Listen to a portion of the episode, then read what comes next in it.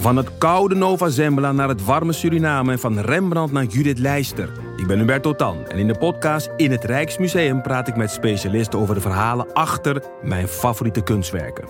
Nieuwsgierig? Beluister nu de nieuwe afleveringen. Bla bla bla bla bla bla. Bla bla bla bla. Idealen zijn prachtig, maar woorden verliezen betekenis als je niks doet. Dus laten we met z'n allen wat minder praten en meer doen. Bij Agmea zijn wij vast begonnen. Zo gaan wij voor minder verkeersslachtoffers, gezonde werknemers en duurzame woningen. Waar ga jij voor? Kijk op www.werkenbijagmea.nl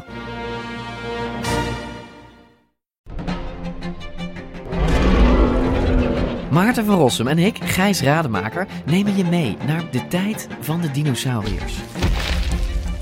Jij vindt het gemene beesten Ik vind het gewoon eigenlijk. gemene beesten. Ja, Kijk, dat- kijk naar ze. Beesten zijn niet gemeen. We zijn het eigenlijk nooit eens. Maar T-Rex is toch veel sexier. Nee, ik vind een kakkelak net zo sexy als T-Rex. Ja, ik zie dat je daar moeite mee hebt. Voor iedereen die vroeger al van dino's hield en nu nog steeds een beetje, luister naar DinoCast.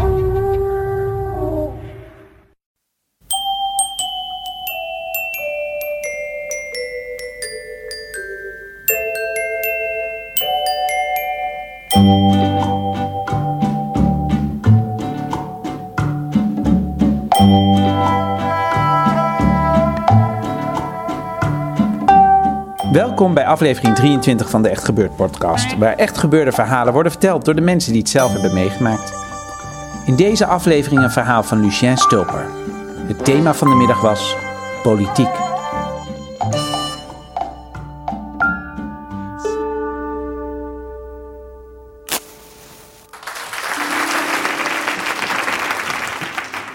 Toen ik 26 was, ongeveer, toen werkte ik bij een eh, nou, consultancybureau. Een eh, bureau dat zich specialiseerde in het vaststellen van arbeidsvoorwaarden. Wat moet Rijkman Groening verdienen? Is dat 1 miljoen of 2 miljoen of meer?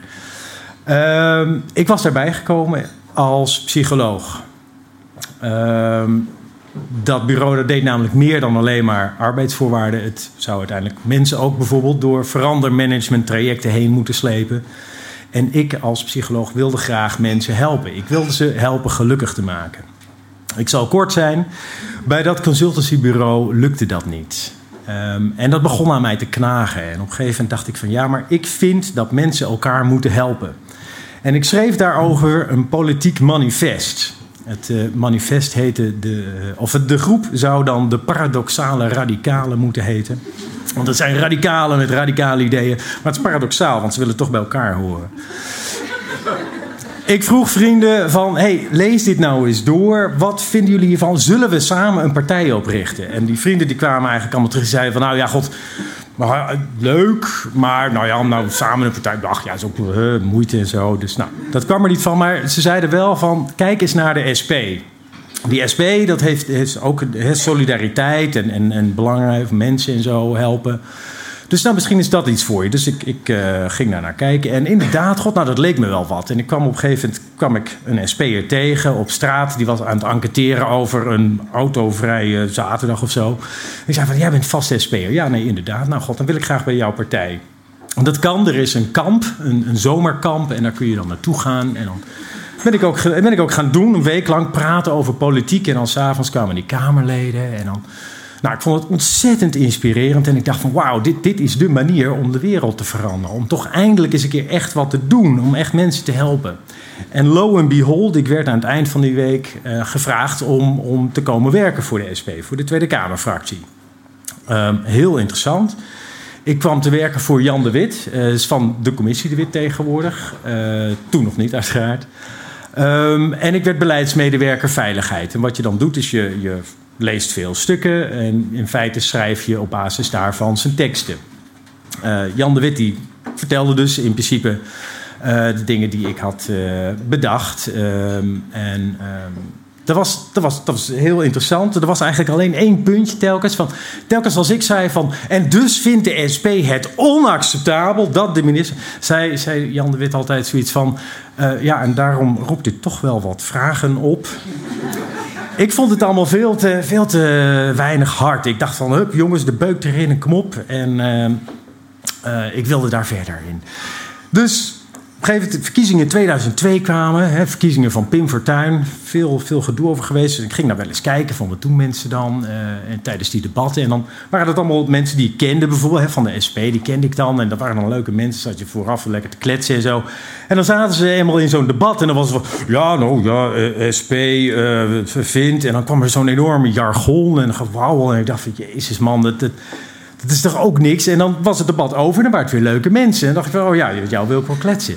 Dus ik dacht van, ja, zo wil ik het niet. 2004 kwam Europees parlementverkiezingen. En ik dacht van, nou, nu heb ik het lang genoeg aangekeken. Ik kan dit beter. Uh, dus ik meldde mij aan bij de SP, uh, bij het SP-bestuur van ik wil graag kandidaat Europarlementariër worden.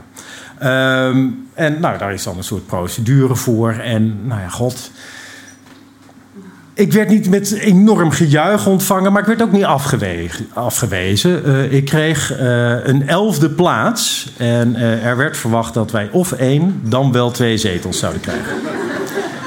Dus ja, wat blijft er dan over? Dan moet je dus voorkeurstemmen verzamelen. En dat was in die tijd was dat tussen de 17.000 en 20.000 stemmen moest je dan op jouw naam krijgen. En dan zou je niet meer gebonden zijn aan zo'n lijst, maar dan zou je zo hup daarvoor uh, automatisch in de Kamer komen. Um, dus ik dacht van nou, dat ga ik doen. Ik ga een eigen campagne voeren. En weet je wat, ik ga dan ook gewoon een beetje los van die SP. Want ja, dit is toch niet, niet voldoende.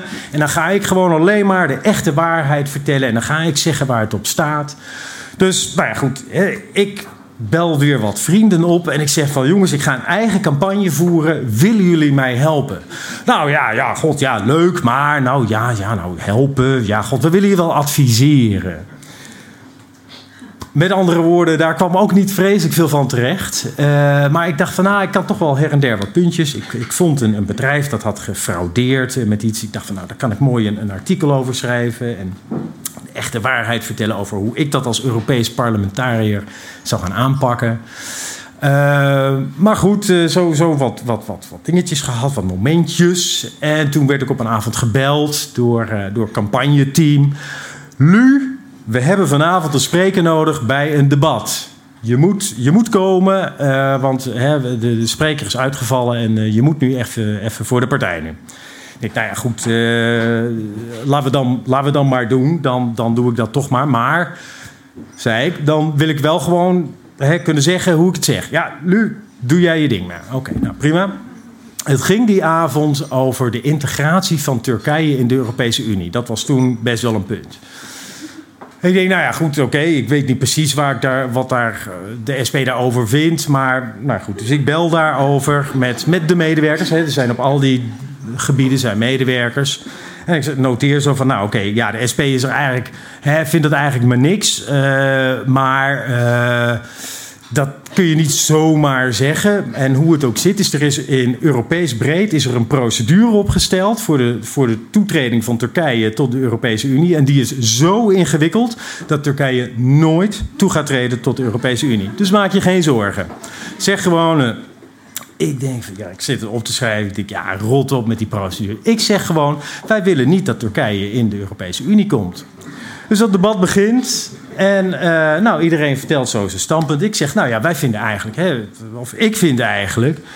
Ja, dat, dat Turkije ja, te veel mensenrechtenproblemen. Uh, het is gewoon een ander land. Uh, ja, wij, wij vinden het te ver van ons afstaan. Wij vinden eigenlijk niet dat het in de Europese Unie moet.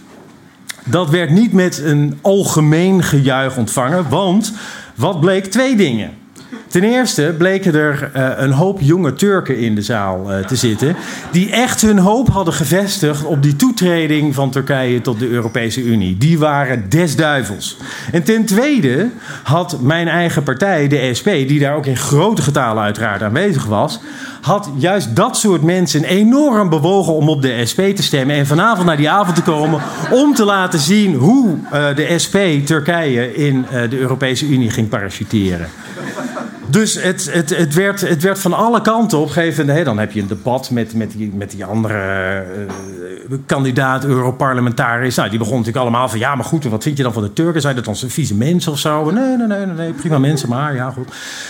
En toen kwam de zaal. En de zaal, waren echt de drol. Hè? Dus je hebt dit soort microfoons. Er kunnen dan mensen kunnen daar dan, dan achter staan en, en vragen stellen en zo. En er waren echt drommen mensen achter die, die schreeuwen. En van, dus, dat was, dus ik zat daar. Ik denk, nee, dit, dit, dit, wordt, dit gaat helemaal niet goed. Dit gaat helemaal niet goed. Eh, wat doe ik? Dus er gaan dan twee dingen door je hoofd. Van, oké, één. Ik zeg van, ja, inderdaad, What am I thinking? Ja, natuurlijk. Nee, Turkije, ja, nee, je weet wel. Leuk. Maar ik dacht, nee, dat, dat, ga, nee, dat kan niet. Dat kan niet. Je, dit is campagne. En ja, dat is bij uitstek een moment waarin je meningen verkondigt. Waarin je niet gaat zeggen, oh ja, nee, oh, nee inderdaad. Niet draaien. Later werd dat dus een heel, een heel onderwerp. Dus ik dacht, nee, ik kan niet, ik kan niet nu terugkomen. Ik ik blijf gewoon tot het bittere einde verdedigen dat Turkije niet in de Europese Unie moet. Nou, dat heb ik geweten. Het was echt een zeer lange avond. Uh, want natuurlijk op een gegeven moment kwamen ook die SP'ers. Die kwamen ook van, ja, maar uh, meneer Stuppler, vindt u dan niet dat uh, SP kan... Nou, dan kwam natuurlijk een hele, hele riedeltje van hoe het in de partij zat. Dus uiteindelijk, ik, uh, ik, ik, uh, ik liep die avond uh, de zaal uit en ik denk, ja, dit was dus het einde. Ik kan dus nooit meer naar, naar een debat toe. want ja, dit, dit wordt natuurlijk vreselijk. En inderdaad, de, de plaatselijke voorzitter van de SP had toen gezegd van... had dat ook gemaild aan Jan Marijnissen, aan het campagneteam en aan Kamerleden... die over het onderwerp gingen dat Lucien had de partij echt te schande gezet... en dat kon niet meer. Dus, lang verhaal kort, want ik moet toch doorgaan. Um, ik mocht geen debatten meer doen voor de SP. En uh, dus ja, ik werd aangewezen op mijn eigen, mijn eigen geweldige vondsten als campagne-strateeg. Uh, nou, ik heb dat uiteindelijk maar een beetje gelaten voor wat het was. Want het was gewoon heel zwaar. Het was gewoon heel vervelend om zo'n zaal tegenover je te hebben. Terwijl ik eigenlijk niet iets anders zei dan wat er de algemene tendens al was. Er waren die procedures toch al. Maar ik zei gewoon hè, waar het op staat. En dan krijg je zo'n bak met shit over je heen. En ik dacht van ja, nee, hier heb ik gewoon echt geen zin in. Maar ja, ik zag wel ook die mensen die het gingen maken. Dat waren de mensen die dat dan toch maar weer deden. En toch accepteerden dat als je soms iets verkeerd zegt, krijg je een bak met shit over je heen. En dan moet je toch maar weer verder kunnen. Ik heb het toen niet gedaan. Ik ben later, uh, het is nu alweer zeven jaar later, voor mezelf begonnen. En ik werk nu uh, met gemeenten om op een klein niveau de veiligheid te proberen te verbeteren. Dus ik ben van het grote internationale ideaal van de wereld veranderen naar op klein, kleine schaal de wijk iets te verbeteren. En ook daar ligt een stukje wereldverbetering. Dus.